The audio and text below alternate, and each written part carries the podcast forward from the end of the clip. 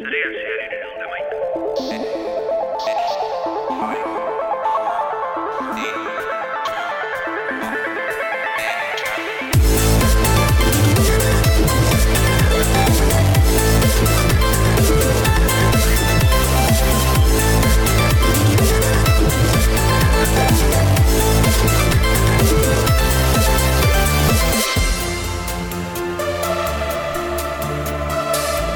Sarean hau azteko eta teknologiari buruz hitz egiten azteko e, gaur efemeride, bueno, data esanguratsu bati buruz hitz egin nahi dizuet, hori da, otxaiaren bederatzia, internet seguruaren eguna ospatu zelako. Urte honetan COVID-19 pandemia egoerak internet eta sare sozialen erabilera areagotzea eragindu eta hori aprobetsatuz, ba, segurtasun gomendio batzuk eman nahi e, dizuegu, e, aldi berean adituek ematen dituztenak. Internet modu seguruan erabiltzeko eh, haien eh, artean gomendatzen dute adingabe webgune bakoitzean pribautasun konfigurazioak non dauden ikastea, hoiek doitu alizateko bi urratzetan autentifikatzea akontuetan sartzeakoan segurtasun geruza gehigarri bat ere gehitzeko modu bat da eta gainera informazio pertsonala sarean argitaratzea saiestu behar da izen osoa, elbidea edo telefono zenbakia. Gogoratu baita ere interneten argitaratzen den guztia badirudi e, ezetz baina betiko geratzen da eta beraz birritan pentsatu behar dugula edozein eduki igo aurretik. E, hau guztia pentsatuz internet e, oso erabilgarria dela guztiontzat, baina baita arriskuak neurtu behar ditugula interneta, internetaz gozatzeko eta askoz seguruago egiteko.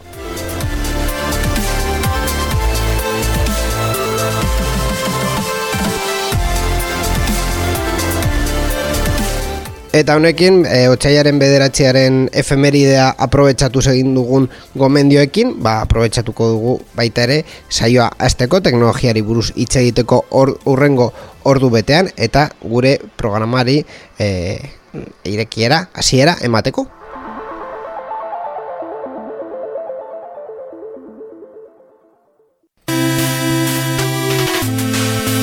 Sarean zearen parte hartu nahi duzu? Gure berriak iruzkin du, Ekitaldi bat kontatu? gure hankasartzeak kritikatu, Erantzuna positiboa bada, bidali ezazu email bat.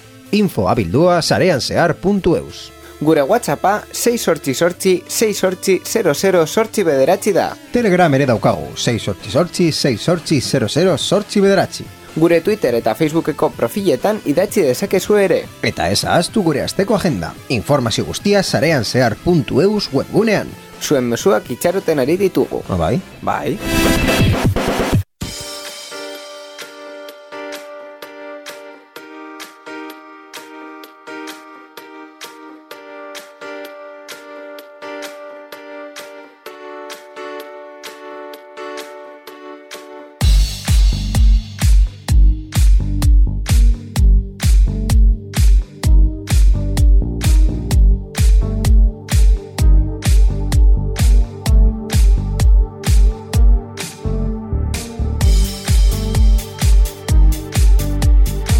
Eta sarean zehari hasiera emateko eta teknologiari buruz hitz egiteko beti bezala e, sarean zearen bigarren partea falta da mm, e, programa honen erdia e, berrogeita mar, berrogeita mar egiten dugu mm, ni, inogo zen izela eta Borja Arbosa, Arratxaldeon Arratxalde hori ligo. Gaur pizkat urnago gaude, egia esan da, e, segurtasun neurriak betetzeko e, areto, bueno, gela askoz handiago, bueno, askoz ez, ez, ez dakit askoz handiagoa, baina beste moduko areto gela batean gaude, eta aprobetsatu dugu bi eta piku metroko distantzia dagoela gure artean, e, eta ez dugula bideoa grabatu behar, e, bueno, ez daukagu e, baliabiderik bideoa grabatzeko, e, maskarilla kentzeko eta gaur, ba, bueno, e, grabaketa beste modu batean e, egiteko. Arraro sentitzen naiz e, grabatzen edozin ir, irratiko edukia maskarilla gabe, egia esan da. Ni, nire kasuan esan behar dut, eh, sekurtasun distantzia mantentzen badugu ere, eh, gure ahotsak ez dute sekurtasun distantzia mantentzen eko egiten duelako hemen gauden aretoan. Bueno, ez hainbeste. Eh, ba, pizka bat, eh? Pizkatxo bat, bai, baina bueno. Eko, eko. Ez, hombre, a ver, egi, egizu, egizu zer Eko, eko, e, Ah, e, e, ez, ez, ez. Hemen ez dago, ez dago jartzun handirik, ez, ez pentsa. Mm, Bueno, eh, baina egia esan da, gure ahotsak ez dute segurtasun distantzia hori mantentzen, maiz zapaltzen gareako Ba- ere. biok. Baina, bueno, eh, kontua hoietaz aparte, soinu kontuaz aparte, eh, teknologiari buruz hitz egitera gatoz, eh, nahiko saia jarri digute aste honetan zerbaiti buruz hitz egitea, egia esan da, eh, ez da ezer berezirik gertatu. Bueno, bai, eh, Jeff Bezos esan duela ja diru gehiagi egin duela eta eh, bueno, ez duela eh, barkua gehiago gidatu nahi eta Amazonetik mm, eh, bueno, ez dela eh, alde, ez duela alde egingo baizik eta eh, ba, ba, zuzendaritza ejecutiboa, bakarrik. Hori da, zuzendaritza ejecutiboa utziko duela e, eta beste gauza batzuetara Ba, badakizu hori diruarekin ez daukala zerikusirik, bea akzionista bada, hor be- bere dirua sartzen ja, jarraituko du, eta hor lan egin gehiago edo gutxiago, ba, soldata agian izango da, handiago txikiago, ez dut uste soldata em, txikiagoa izango denik, eh? Ba, bera, egin, al, egin alba du horrelako mugimenduak ez da, uste dut gutxiago kobratzeko, edo ez askoz gutxiago. Ba, azkenean, e, bai, akzioak e, izatea, enpresa baten akziodun izatea, e, dirua ematen dizu, baina akzio horiek saltzen dituzunean. Orduan, Edo hori- dividendoak ematen dituzten. Bueno, dividendoak ematen dituztenean ere, baina ez da e, bizitzeko mm, horrelako kantitatea. Ez, ez da bizitzeko modu ohikoa. Bizitzeko modu ohikoa normalean dira soldatak edo zure inbertzio pertsonalak, baina ba, ez, akzioak ez dute, gutxienez ez dute e, maiztasunekin dirua ematen. Claro. Esaten duzuna. Osea, bueno, bai, erosi saldo, erosi saldo hori egin alduzu, baina normalean bakarrik izateagatik, ba ez. Claro, hori da azkenean honen kontua e, dirua. Maiz, eh, hau da, egunero izan, edo hilabetero izan nahi baduzu, ba, akziodun izatea ez dela normalean nahikoa. Dena den, e, teknologiaren beste berri batzutan, ez, ez, ez dugu oso askar joango gaur, egia esan da, ba hori, gutxeagoelako, baina, bueno, e, Badakizu oso zerta, zerta hitz egin dezakegun, nik eh, azkenean uste dut esan nuela pasaden programan, eh, Xiaomiko fanboy Bueno, bat, Bueno, bueno. urrengo Xiaomiko eh, gaiu bat irez, i, erosi dudala. Hol- Hola nazte badugu, zu eh, Xiaomiko fanboy hildoan jarraitu dezakezu, eta ni Ah. batio eh, fanboy hildoan. Ah, Eh, bai, bueno, ja. s- en fin. YouTubeen desenmaskaratu zizuten Bueno, dela... bai, eh, argi dago, eh, Euskadi Digitaleko YouTubeen sartzen basarete, eh, hor dago Xiaomi, eh, nola zen? Sensor set. Smart Sensor Set eh, irekitzen dugun bideo, bideo bat, eta horretan eh, iruzkinak esaten duten arabera, ba, argi dago. Eh, Bueno, erosketa berriei buruz hitz egin nahi duzu, edo ez? Itxoin, itxoin. Eh, que, eh, historia... Ah, eso, historia konta, tuta, Claro, bla, bla, bla, claro, bla, bla, bla. ba, hori,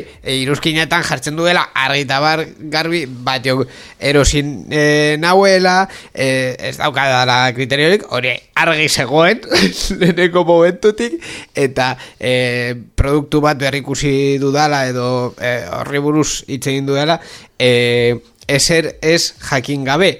Zuzen zaudete, normalean ez daukagu kriteriorik eta gure movida kontatzen ditugu eh, Zu, zu normalean produktuak erosten dituzu, baina kasu honetan produktua zu erosi zaitu. Ba, bueno, en fin. Eh, Kontua izan da Bati hori buruz eh, Azkenean eh, Bueno, es que Mudanza prozesuan nago. Lehen, Oh. Lehenik eta behin. Hori kontatu behar dut. Mudanza prozesuan nago Orduan Etxe berri egin du. e, Etxe Zeledon bezala. Bai, Zeledon prozesuan nago orduan. Eta e, etxe berrirako e, izan dudan arazorik nagusiena izan da ez daukadala berogailu e, normalak. Hau da e, kaldera batekin gaz e, erabiltzen duena Orduan, e, elektrizitatearekin egiteko, pentsatu, dut, bueno, bai, e, radiadore bat edo bi edo hiru jarri dezakegu e, etxean zehar, baina e, azkenean berogailuen kontua da e, automatikoki haiek jakitea nola dagoen gela, ez berogailua baizik eta termostato edo... Hori da. Termostato bat jartzea eta ambientearen temperaturarekin erregulatzea e, bueno, e, e, berogailu hori, ez? Bai. Ba, az, azkenean esperientzia hartuta e, ba, e, erosi ditut bi term, e, batioko bi termostatu gehiago eta e, entxufe batzuk gehiago ere e, eta lehioko sensoreak ere hori e, Wow. kontu berdinerako da e, azkenean egiteko e, berogailua izateko bueno, radiadorea izateko entxufatuta beti hor e, latente maksimoan eta jazta eta e, termostatoak esaten duenean e, temperatura batetik jeitsi dela automatikoki e, pisteko entxufe inteligente bat. Eta gainera datearen e, sensorea, bueno, leioaren sensorea izango dela e, orain aprobetxatuko dugu leioa irikitzen duzunean adibidez gela ventilatzeko pizka bat radiadorea itxaliko dela automatikoki Mamma mia. A ber, txorrada bat da e, lehenengo munduko mm, txorradarik handiena ziurrenik Pizka bat, bai. baina bueno, e, aprobetxatut hori Al- Ala ere, be, hori egiteko. berogailua ez badukazu jakin desasun Xiaomi saltzen duela. Benetan. Bakoitzak bere temarekin. benetan bai, bai. bai, berogaioak saltzen dituzte Bai, bai, bai. Eh, cooler hit ez dakit. no- Nola ditzen den Xiaomiko berogailua? Bueno, ja publizitatea egingo diot ez ez dira ordaintzen. Baina, eh, o sea, zu... Ez dakit, Estufa, ez dakit, bai. radiador esan nahi- Radiador, bai, Ni, ni esan nahi dut, nahi duzuna, bai. olioko radiadoreak Ez, ez da oliokoa. Vale. Dut, uste dut, eh? Ez dut eh, beste ondo- radiazio mota egiten du. Bai, uste dut eh, airearekin, aire beroa Airearekin. botatzen duela, baina Bai. ez naiz guzti ziur. Ez que, ni gustatzen zaizkit eh, a, a, olioko hoiek azkenean pizten duzulako eta pizka bat tardatzen du, baina gero beroa eh, estableago mantentzen da ber, eh, berogailuaren Bai, barruan. Mm, eh, gas naturalaren Denbora gehiago irauten du, baita ere denbora gehiago behar du... Eh, berotzeko. Berotzeko. Hori, hori egia da. E, ba, Bueno, bueno, eta, eta, hor- duzu- eta horrekin batera, gainera, e, e, bigarren eskuz erosi dudanez, Wallapop bitartez, e, ez dut pu- publizitatea egin nahi, baina bueno, e, bigarren eskuko edozin produktua erosteko gaur egun, ba, badakizuen on, e, ba, aprobetxatu dut, e, bueno, aprobetxatu ez, e, e, paketean, zetorren, zetozen, e, uste dut bi entxufe gehiago, horrela extra, eta horiek e, aprobetxatuko ditut bi wifi entxufeak e, kentzeko. Azkenean daukadalako nire wifian ez daki zenbat wifi gailu entxufe movida eta interferentziak egiten dituzte haien- artean, orduan pasatzen baditut bi eh, bateoko sistemara ez, dut, ez dutela wifi erabiltzen, ba bueno. Mm, hori hori aurrezten dugu Bueno, doako Ah, publizitatea cierto, guztiz ez egiteko, es- nik esango es- dut gauza es- bat erosi nuela ibeien, des, bigarren Bai. eskukoa, orduan ja ez da bakarrik eh, marka bat Bai. esaten dugu, baina ekilibrio, ekilibrio pizka bat Bai. emoteko, bukatu. Ba, por cierto, bi entxufe wifi saltzen ditu dala. Ah. Erosi nahi badituzue, ba, amar euro bakoitza. Ah, oso ondo, hau ja Vale. eh, bigarren eskuko... Ida, idatzi Twitterrera, a- abildua zarean zehar. Osea, se- sekzio bat egingo dugu ja urrengo urrengo denboraldian erosi duzun guztiarekin egingo dugu sekzioa bigarren eskuko salmentak jarri Bai. zure salmentak eta erosleak aurkitu momentuz, dizkigu. momentuz bilboko eta alboan dauden eh, herri, hirietan bakarrik. Bi- Bidali zuen mesua, publizitatea emango dizugu edo zein saltzen baduzu. Ai, ez- da ideia txarra, eh, sekzio Bueno. bat egiteko. Entzuleak nahi badute em, bidaltzea mesuak eta ah, ni ez daki zer Vendo Opel Corsa. Bopel Cadet. Ai, negociable. en fin. Eh, bueno, zerbitzu publiko bada. bueno, bere momentuan egiten genuen Eta doainezkoa, eh? Ez, ez genuke, ko, bueno, komisio, ez dute esango Ba, zer. ez, ez, gu ez dugu, dugu kobratzen, gu ez dugu dirurik behar. Gu dirua daukagu kastigo zela. Bai, bai, bai, horregatik erosten ditugu gauzak. Bueno, ja, de liburuari buruz hitz egin aldut. Bai, bai, itxegin, itxegin. Bueno, ba, Xiaomiko pultsera berria, eh, Xiaomi Smart Band 5, oda, bosgarren, Bosgarrena, bai. bosgarrena, eh, laugarrena neukan eta bakarrik eh, ikusi, nahi nuen zeintzuk ziren desberdintasunak. Eh, oso gutxi. Ezer? E, pantalla pizka bat handiagoa da, hori iaia ez duzu nabaritzen. Pisua iaia berdina da, hori baita ere ona dela zen eta beren en, pultsera honen gauza on bat da, e, iaia ez duzula na- nabaritzen, eramaten duzula. Bai. Nik adibidez, e, txikien nintzenean erloju asko galtzen nituen, zen eta pisua hor jarrita, kentzen nituen eskumurrat, e, tatik? Eskumuturretatik bai? Eskumuturretatik, barkatu bai. Eta hor utzita, gero ez ez nungo geratzen berriro. Alde egin eta hor geratzen eta zen erlojua. ziren eta galtzen nitu. Borja bai, hori- Gisajoa. Bai, bai, bai. Arruinatu zen erlojuekin. da- Ni, ni ez bai, nire, nire gurasok bai. Bueno, gauza da, eh, erloju bat nik ez, ez dudala nahi horregatik, eta eh, ba, erosoagoa dela hau. Orduan, eh, aplikazioak, ba, iaia berdinak, modu, kirolesko modu gehiago sartu dituzte, mm, jarri dituzte aplikazio batzuk, ba, zure arnasketa, bai, eh, erlajazioa, Neurtzeko, neurtzeko, eta denboraldia, ba, pizka bat hobeto ikusten da, eta, bueno, en pantalla horrelako salba pantallas, eta horrelako bat gehiago aukera gehiago dauzkazu jartzeko e, galdera da laua badaukazu bosta eh, gehiago egingo dizu? Ez. Zergatik egin nuen ni, mm, batez ere, mm, lehenik tain frogatzeko, eta bigarrenak presio iaia berberan zeudelako, edo presio gutxiagoan, edo eskaintza eh, berezi bat uste dut zeuka, zeukatela e, Xiaomiko dendan, eta, Eta, eta azkenean betikoa, eh, zu daukasun laugarren bertsoa beste bati ematen diozu, eta geratzen zara berriarekin. Bai, bai, hemen dena birziklatzen da, ez dugu hori egingo mm, botatzeko funtzionatzen duen gauza bat. E, Smartband honen e, zenbat bertsio frogatu dituzu, lehenengo...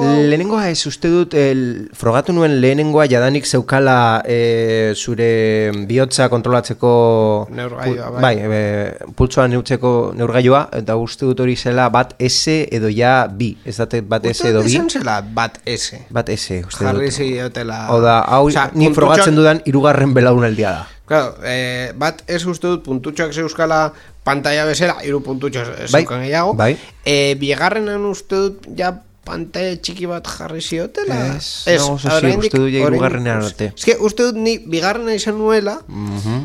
eh, gero hirugarrena, zu frogatu zenuen hirugarrena? Ez, ja laugarrenera pasatu Eta ja, nintzen. ja, uste dut nire, nire aitak daukala hirugarrena edo izan zuen. Ez dakit, hori bai izan zuela... Ah, ez, ni izan nuen, hirugarrena, horrengo gatzen nahi naiz.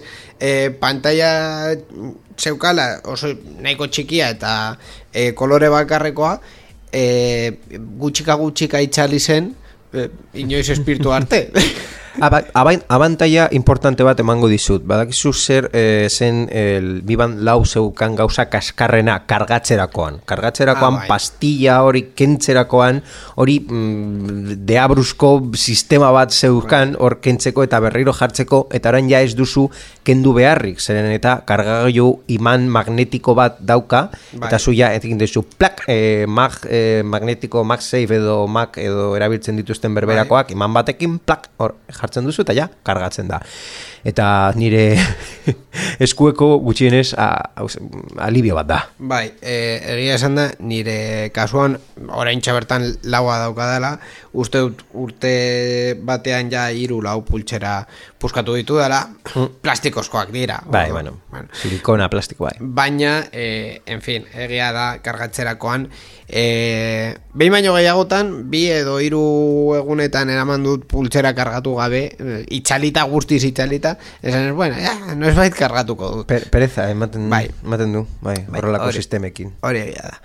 Ba bueno, hor gure berrikuspenak, reviewak, gomendioak, e, publizitatea, inork ez digu ezer ordaindu, baina batio edo Xiaomi dirua jarri nahi badu gure programan, kas, batioren kasuan are gehiago, bere momentuan produktuak eman Bai. zizkigutelako, Bai, bai, egia ba, badakizue non dagoen gure emaila, gure e, kontaktuak, Eta norbaitek bere Eta bai. gailuak saldu nahi baditu, mm, bigarren eskuan, ba, ere. zergatik ez, baita ere.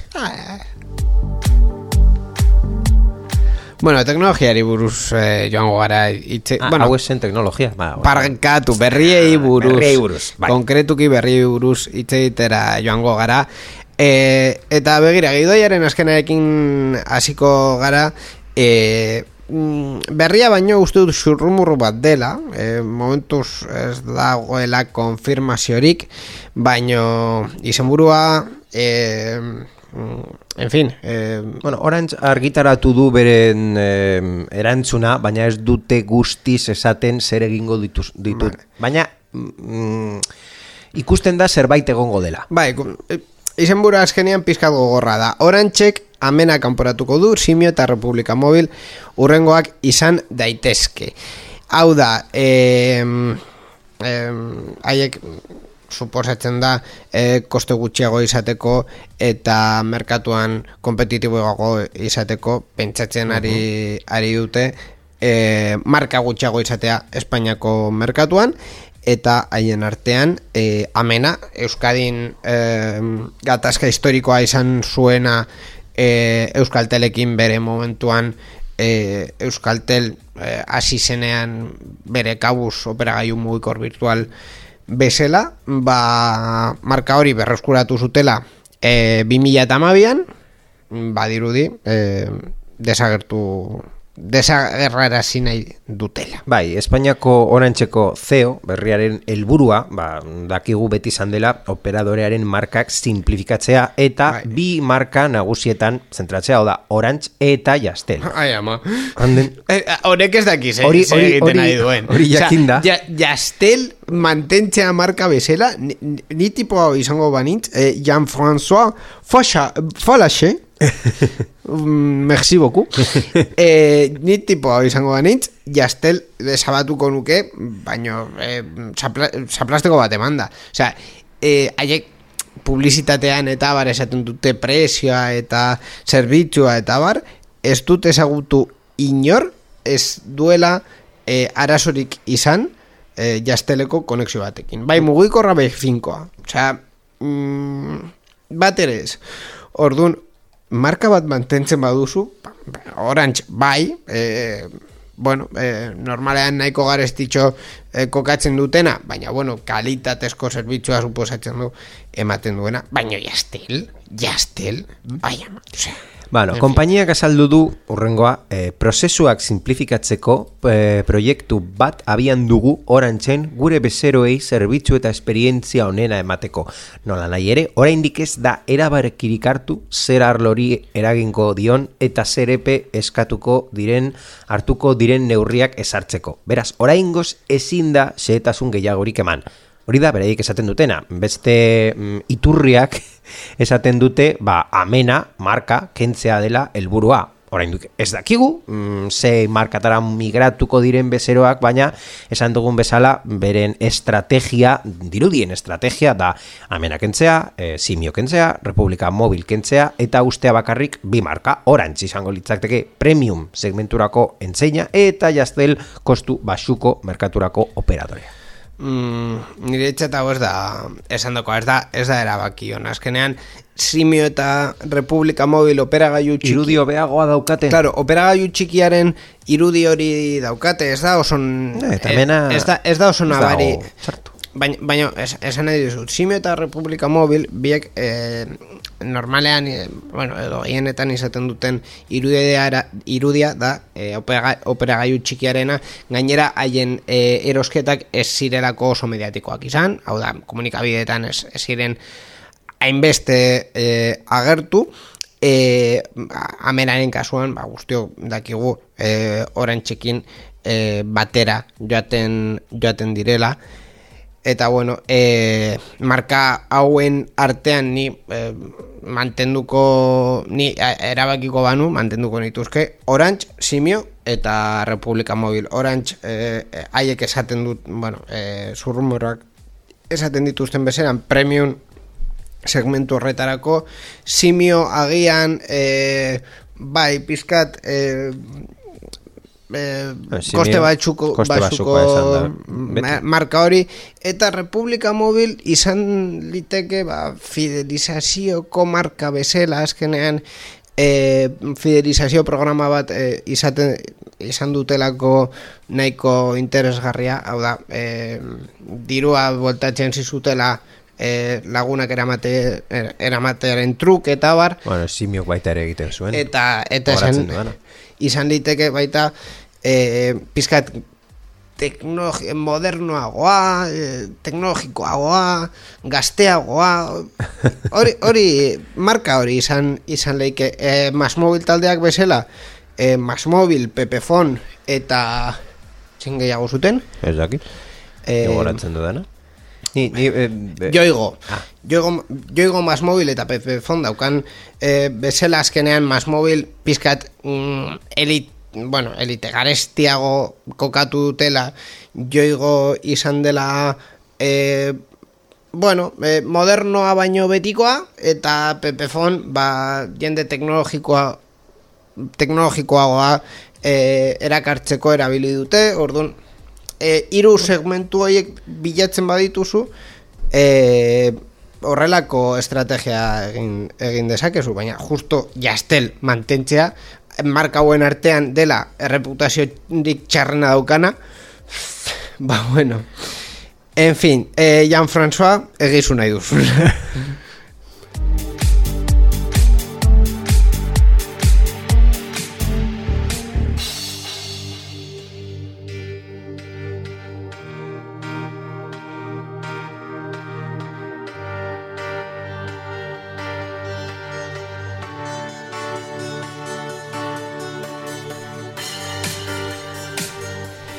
Eta beste berri batzuei buruz hitz egiten Twitterri buruz hitz egingo dugu. E, bueno, e, Twitterren beste e, ezaugarri eskatzen dizkiogu, normal, bueno, erabiltzaile askok esaten dute adibidez, e, e, mezuak aldatzea e, mezuaren lehenengo, ez dakit, amar minututan edo zerbait, interesgarri izan daitekela, beste batzuk esaten dute publizitatearen movida pizkat gehiago afinatu nahi, afinatu beharko zutela.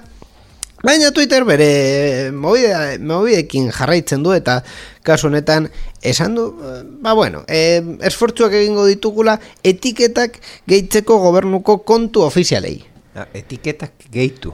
Bai. Ze- zer esan nahi du beraientzat etiketak gehitu? Ba, ba, ez basikoki, estatu buruen kontu pertsonalak identifikatuko ditu eta hainbat herrieldatako ministro, funtzionario, bozera maile eta erakundeen kontuak egia estatuko ditu, besteak beste. Hala, Espainiakoak, joan den abuztuan Twitterrek identifikazio etiketa gehitu zizkien, ba, nazioko bostkide eraunkorran, e, Txina, Frantzia, Errusia, Erresuma Batua, Estatu Batuak, funtzionario garrantzitsuen eta komunikabide afiliatuen kontuei. Hori da, e, orain prozesu berdin hau jarraitu nahi dute, Baina, e, kontu verifikatuak ja existitzen ziren. bai, ez dira kontu verifikatuak, baizik eta A, kontu ofiziala. mm, jartzen dute erabiltzailearen e, bean e, tituloa edo identifikazioa. Adibidez e, Russia Today bait, hau, hau komunikabideekin egin dute ere orduan, Russia Today e, ikusten badiozu bere txiok jartzen du e, Errusiako e, komunikabide publiko ofiziala adibidez. E, beste kasutan ba, Eh, e, gogoratzen dut Frantziako, dut- Frantziako presidentearen Twittera kontua ikustera basoaz, justu ben jartzen du e, Frantziako presidentea. Amerikako estatu batuetan eh, arroba potus sartzen bazara, Bai. eh, hor jartzen du bai eh, estatu batuetako presidentearen kontu ofiziala dela. Bai, orain Joe Biden erabiltzen ari duela, bere momentu Donald Trump ez zuena erabiltzen. Ez. Eta, bueno, kontua azkenean da, e, orain e, beste herrialde batzuen artean, Kanada, Kuba, e, Egipto, Alemania, Honduras, Japonia, Serbia, Espainia, Tailandia edo Turkia e, bat egingo dutela Twitterreko eh, kontuak etiketatuko dituzten herrialdeen zerrendarekin. Beraz, Twitterrek gobernu e, gobernuko funtzionario garrantzituen kontuak egiaztatuko ditu, atxarri ministroak, erakunde instituzionalak, enbasadoreak, bosera mai ofizialak, eta diplomazia buruak barne.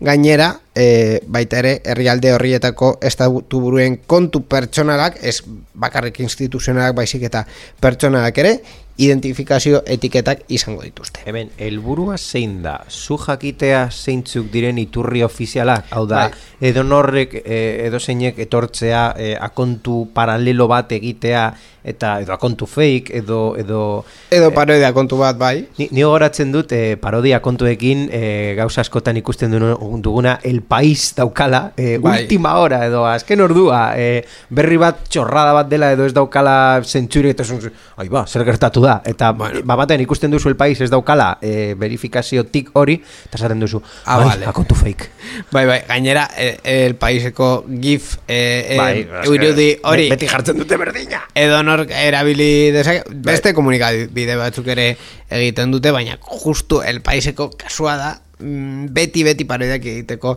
erabiltzen erabiltzen dena. Azkenean, a ber, zuk imagina, eh, zerbait horrela oso erre, eh, esanguratsua edo eh, importantea gertatzen dela eh, Errusian, eh, Rusiako kasua edo Tailandian, edo jo que se, eh, Japonian, Vale? A- Azkenean, hiru herrialde hauek hautatu ditut, ditut eh, haien hizkuntzak gure hizkuntzetatik nahiko urrun daudelako. Bai. E, zu txio bat iza- ikusten baduzu, eus, e, e, ingeles ez egon arren, e, ez badizu jartzen norden hori, a- agian e, izan burua eta deskripzioa ikusi dezakezu, eta geratzen, eta mm, inkluso itxuli ere, eta geratzen zara hor, esan, bueno, eta hauek zintzuk dira gainera gobernuen organizazioak ere antolakuntzak nahiko eh, diferente izan daitezkerako a ber, normalean eh, ministerio konkretu batzuk daude eh, guztio mm, kasuan berdinak direla, exteriores, interiores eh, ezagutzen ditugu, ez? Baina, bueno, eh, horrek errasten du eh, iturri hoiek, kontu hoiek, eh, askoz errazago eta askoz eh, bueno, azkarrago identifikatzeko. Orduan, konklusio bezala, inork eskatzen zuen gauza bat da, baina eh, Erabilgarri izan erabilgarri daiteke. izan daiteke. Por lo menos Eskerrik asko Twitter. zerbait erdiondo egin dute.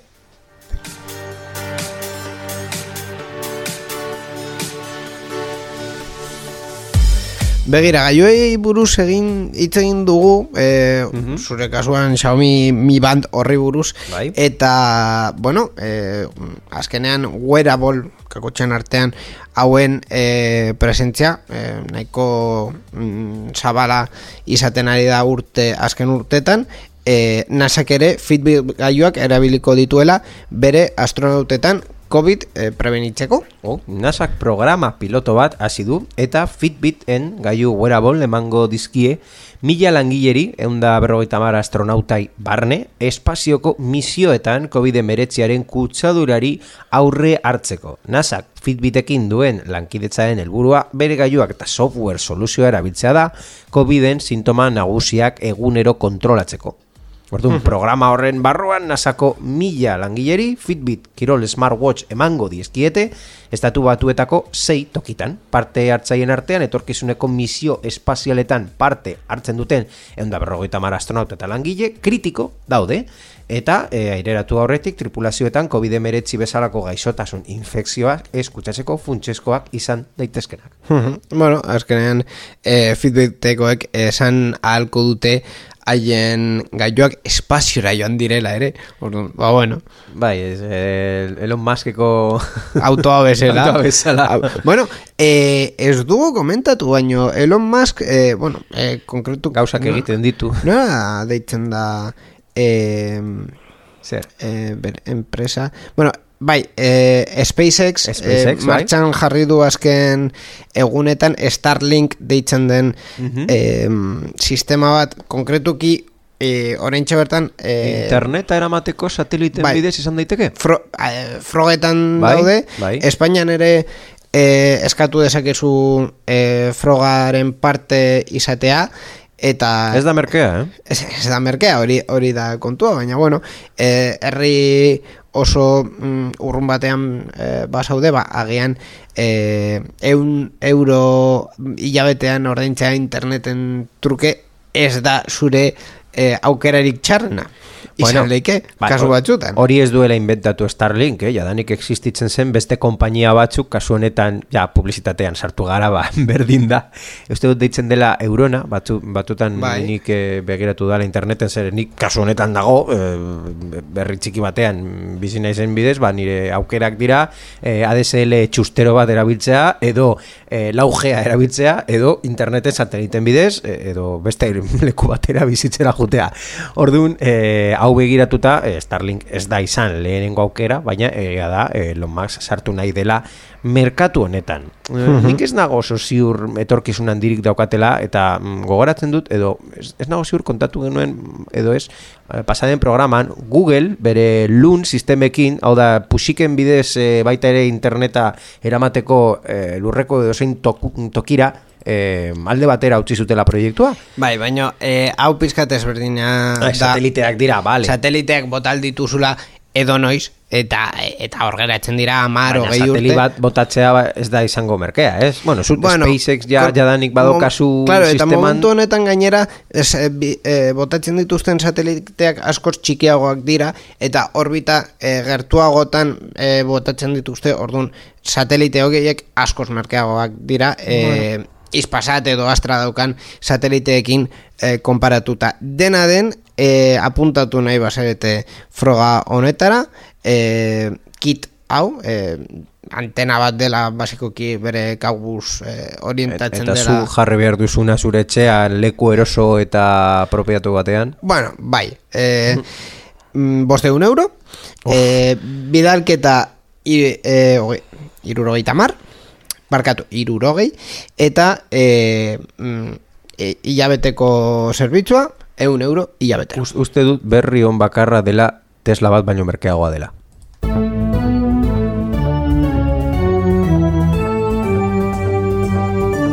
Europar batasunaren berria. Sarean zehar. Ba, Europari buruz hitz egiten, eh, azkenik, eh, bueno, ni, esan behar, ni gauza bat esan behar dut lehenik eta behin. TikToki buruz hitz egiten dugun aldi bakoitzean, abisatzen dut, ni eh, zaharra naizela eh, sare sozial honetarako. Hau da, eh, TikTokeko edukiak ikusten ditudan bakoitzean, bi gauzak eh, ikusten ditut. Plagioak, beste batek hartu duela norbaiten e, sortzaile txiki baten edukia eta laportu duela deskarau eta e, gazte oso gazteak e, gauza e, bueno gehi, sexu gehiagi dauzkaten gauzak egiten dantzak eta gauza. Orduan, Eta, eta zu zaharra, bar, zaharra basana nizen, naiz? Bueno, eh, ez dugu ez dugu esango, baina eske Hau da, baia semanitan esketxen bezala jarriko gara baia baten atzean eta esaten, ai, nire, nire momentuan hau, hau direa bideoak. Ai, ni, ni, Ekarri nituen. Ni ekarri nuen YouTube Euskadira, txabal. Bai, bai. Ba, horrelako, horrelako zerbait. Dena den, Europar Aitona batas, zebolleta. Europar batasunak zerbait mm, itxusi baita ere ikusi du TikToken ikertu nahi duela eh, erabiltzaileen eskubideak ez errespetatzeagatik. Bueno, hain zuzen ere izan da Europako kontsumitzaileen erakundeak salaketa bat jarri duena Europako batzordean eta e, Europar batasuneko kontsumo erakundeen sarean, e, Bai. hor barruan dagoela adibidez Espainiako oku, Bai. TikTok enpresaren Ez dago, ez dago mm, fakua? Eh, Hemen barruan, zea raro, ez dagoela fakua leku batean. Bueno, ez, ez dute aipatzen berrian. Bueno, ja fakuarekin sartu naiz. Ez daukat, ez daukat etorkizunik herrialde honetan. adierazi dutenez, TikTokek kontsumitzaileen eskubideak urratu ditu Europar batasunean eta aurrak ez ditu behar bezala babestu plataformako eduki jakin batetik, besteak beste, eskutuko iragarkietatik eta eduki desegokitik. Zehazki, bere kritikak lau puntutan laburbiltzen dira. Lau puntu. Lehenengoa. Lehenengo puntua da TikTokek baldintza zenbait klausula ez direla argiak. Ambiguoak direla edo TikToken alde egiten dutela erabiltzaileen kaltetan. Hau da, gazteleaz deitzen den klausula abusiboa. Bai, e, Europar bat, e, e, barkatu, estatu batuen estiloan egiten ditugu kontratuak eta Europar batasunean sartzen garenean, ai amigo, legeak ez dira ez direla berdinak. Ba, ze klausulak dira, adibidez, egile eskubideak, ez dira bidezkoak. Izan ere, erabiltzaileek plataformari igotzen duten eduki guztiaren erabilera ez ezta ezina ematen diote. Eta erabili, panatu edo erreproduzitu egin dezakete, erabiltzaileek ordain sariri jaso gabe. Hau mm, aldi askotan e, saiatu dute bai Facebook bai Twitter baino e, horrela akaltzun kitau ezin da egin. Egia da e, Twitterren, eh, bueno, Twitterren sare sozialetan orokorrean mantentzen eh, plataformak mantentzen dituela eskubide batzuk baita ere ardura batzuk dituztelako edapen eh, bidea direlako, baina eh, zu eh, autore sortzaile bezala, sortzaile eh, zentzu ireki batean e, ba, baita ere zure eskubideak manten, mantentzen dituzula eta edozin kontratu ezin ditu zure eskubideak kendu. Bigarren puntua, bai. Bigarren puntuan TikTok funtzioarekin du zerikusia. Txamponak erosi eta soslai ospetsuei opari virtualak egiteko TikTok saldoa kargatzea ahalbidetzen duen. Ai, Erosketa hoietan TikTokek txampon eta oparien arteko prezioa eta kanbio tasa alda ditzake eta prozesuan irabaziak izan ditzake. Erabiltzaileek ezer egin gabe. Se polita. Hala, ez da bakarrik sistema baizik eta espekulazioa. Claro, el, els diners per mi. Oso ondo. Hirugarren puntua. Hirugarren puntua da TikTokek ez dituela aurrak eta nerabeak babesten plataforman kaltegarriak izan daitezken iragarki eskutuetatik. Adibidez, erabiltzaileak bultzatzen dira benetan babestua dauden hashtagetan parte hartzera, zeharka marka bat sustatuz.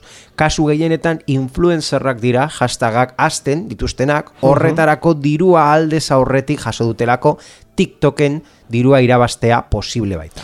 Begira, e, pasaden aste honetan ikusi dut e, resuma batuko youtuber nahiko famatu baten bideo bat, e, Tom Scott ditzen da tipoa eta egin du bideo, analisi bideo bat e, komentatzen e, nola edo zergatik e, e, influencerrak, hau da, interneten edukia interneten bakarrik edukia sortzen dituztenak ez daukaten e, e, bueno, e, norma edo lege berdinak telebistarekin edo e, sinemarekin e, alderatuz. Kasu honetan, e, esan behar dugu TikToken mm, zerbait, e, bueno, bai, TikToken eduki bat ikusten dugunean e, marka batek ordainduta izan e, dena, argi da garbi jarri behar du e, hori iragarki bat dela e, YouTubeen eta Twitterren, Facebooken e, eta bar, berdin, orduan, e, claro,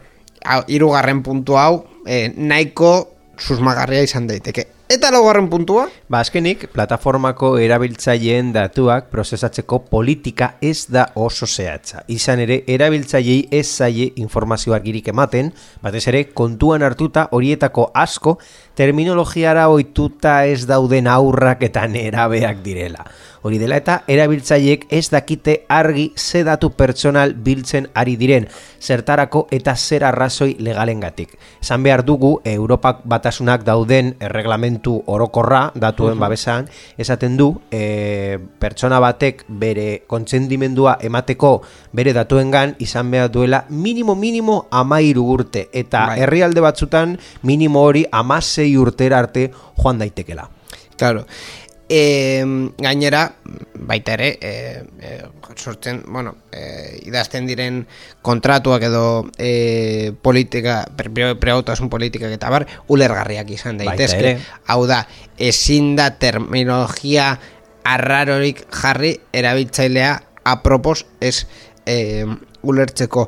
Hildo honetan, por cierto, eta ja ez da TikTokeri buruz e, hitz egiten ja ikusiko dugu ze gertatuko den horrekin, baino e, ikusi dut, ez du gogoretzen non, e, zein enpresan egiten dutela haien kontratuak, kapitulo bakoitzan jarriz parrafo bat erraz esplikatuta, oso oso eh, erraz eta simplifikatuta, eta gero klausula konkretuak palabrerio legislatibo guztiarekin, eta ideia ona iruditu zitzaidan. A ber, fidela bada, hau da, laburpena eta eh, klausula hoiek eh, mamian berea, berdinak badira, Ondo, gero ja manipulazioak egiten baditugu e, laburpen hoiekin e, txarrago izan leike, ez? Baina e, horrelako kontzeptua jarraituz kontratuak e, errezago eta e, eskuragarriago egiteko ideia hona izan leike.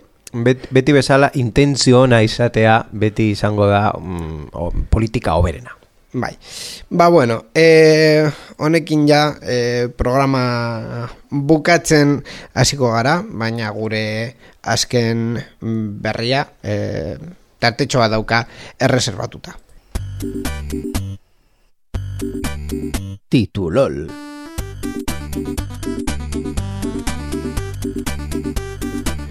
Bueno, titulol, aserrea, sorpresa, e, arridura, ez dakit mm, zer bilatzen duen, baino mm, bilatzen duena bilatzen, e, niretzat berri berria, hau da, suposatzen da, ezagutzen ez dudan berri bat, izango da, orduan nire reakzioa zuzenean e, ikusiko duzue. E, begira, hau ere, bueno, patentatu. bueno, ba, tipo batzuk saiatu ziren, e, gogoretzen duzu e, React e, tipo motako bideoiek Bai, e, nerabeak reakzionatzen dute Bai, ez dakiz bai. ed, edukira ba, oiek egiten zuten e, sortzaileak zirela Define Bros uste dut e, saiatu ziren kontzeptu hori patentatzen. Eta mm, e, e, kasu ba, honetan estatu batuetako e, patente arrakasta- bulegoa esan zion eset Ez. Orduan, baina ja saiakera Bueno, izan zen polemikoa bere momentuan. En fin, nire reakzioa eta zure berria, Borja. Hasiko naiz galdera batekin niñego. E, zure internet konexioaren geldotasunarekin erorkeria bat egiteko zorian egon zara noizbait? Eh, Oda, kabreatu zara pentsatu duzu zure modem routerra amar solairutik bera botatzea, zure kasuan Amairu. amairu. bai, bai, bai. Solairutik bera botatzea eh, edo konpainiara dema, konpainiari demanda bat jartzea. Eh, hori supentsatzen duzu beti. Bai, baina bueno. eh, legu leio. En fin, ez, ba, ba, kasu batean gertatu zitzaidan justu pizza batzuk eskatu, begira, lehenengo munduaren eh, arazoa, pizza Bai, bai, bai. batzuk eskatu nahi nituela, eta eh, Euskadin, bueno, duela gutxi dakit orain indarrean jarritzen duen edo ez, e, etxerako eskatu nahi baduzu e, janariko Janaria, bai. zerbait e, bederatxiak baino lehen egin behar duzu normalean em, em, errepartoa egiten dituztenek ezin dutelako amarrak baino Egia da, bai. gehiago e, egon e, hor kalean Orduan, eh, Domino's Pizza, Domino's gurean egoen, eta ba- gainera bezu bat argi eta bar, garbi jartzen zuen. Eh, eh, ta laurden baino lehen, ta, eh, laurden gutxi baino lehen egizu eskaera zure, zure eskaera prozesatzeko. Eta berrogeita iru ziren, eta ni hor egiten. Bueno, akontua ezi joan, imeia ezi joan, bueno, bueno, bueno, bueno, sekulakoa. Eta bai, ordenagailua geldu joan, eta interneta ere. Ba, kasu honetan normalean protestak zure etxean geratu aldira edo zure ba, konfiantzako pertsona batekin kexa egin aldezakezu edo pertsona batzuk sarte, sartzen dira sare sozialetan eta usten dute mezu bat eh, Bai. em, jakin dezazute mm, konexioa ez dela ondo ibiltzen. Abildua Euskalcom. ba, baina gizon honek ja eh, eh, aurrera pausu bat eman du beste maila batera eraman ditu bere kexak iragarkietan milaka dolar ordainduz bere internet hornitzailearen zeoak bere konexioaren egoera tamalgarriaren berri izan dezan. Estatu batuetan, ez da? Eh, uste du baietz? Bai. Es que, Normal. Esan behar dugu... Kalifornian konkretuki. Claro, esan behar dugu estatu batuak... Eh, Begira, publizitate gehiago. AT&T kasu honetan izan zen Ai. marka famatua eta bere e, arazoa ez zuen konpontzen. Orduan berak, e, ja, kesa urrengo maila batera eramateko, hasi zen e, amar mila dolar ordaintzen bi iragarki jartzeko Wall Street Journal, batek Texasen eta beste batek Nueva Yorken, Bai. hor jartzen e, bere kesak. Claro, eh, lehenik eta behin esan behar dugu at- AT&T da gure telefonika bezala, hau da monopolio publikoa izan ziren, eta orain eh, pribatuak mm, dira. Eta, claro, esan behar dugu ere, imaginatu estatu batuetako tamaina nola den, e, badau jende asko ez daukala eh, ez konexiorik edo konexioak bost mega baino gutxikoak. Imagina, gaur egun bost mega baino gutxiago izatea. Ezin duzu navigatu, ezin duzu eser egin. Osea, horrible, horrible. Badakit. Horregatik Starlink izango du nahiko arrakasta. Estatu batuetan ematen dutelako Hau satelite da bitartez publizitatearen programa, eh? eun mega borja. Oh. Eun mega satelite bitartez. Hogeita lau milisegundo ping. Joan, eta bueltatu hogeita lau milisegundo. E, pipa, pipa. Ba, hori ADSL batekin ia ezinezkoa. Horregatik izango dituzte, izango dute arrakasta, osea, horrega esaten dizut, argi eta barri esaten dizut. Errealitate virtuala bezala? Ez, hauek arrakasta gehiago izango dute. Irratsaio hau Creative Commons aitortu ez komertziala partekatu berdin lau puntu zero nazioarteko lizentziarekin banatzen da. Horrek esan nahi du gure edukiak nahi beste partekatu ditzazkezula. Informazio gehiago nahi baduzu josareanzehar.eus webgunera.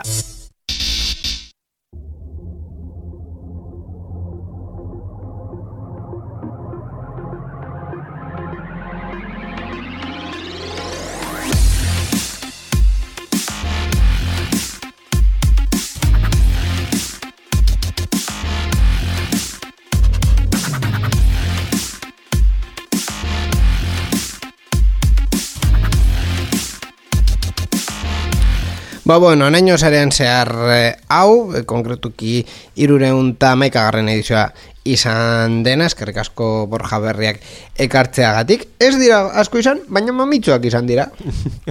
Oso ondo, ba, eskerrik asko zuri ere inigo eta bez, beti bezala entzulo guztioi, urrengo aster arte.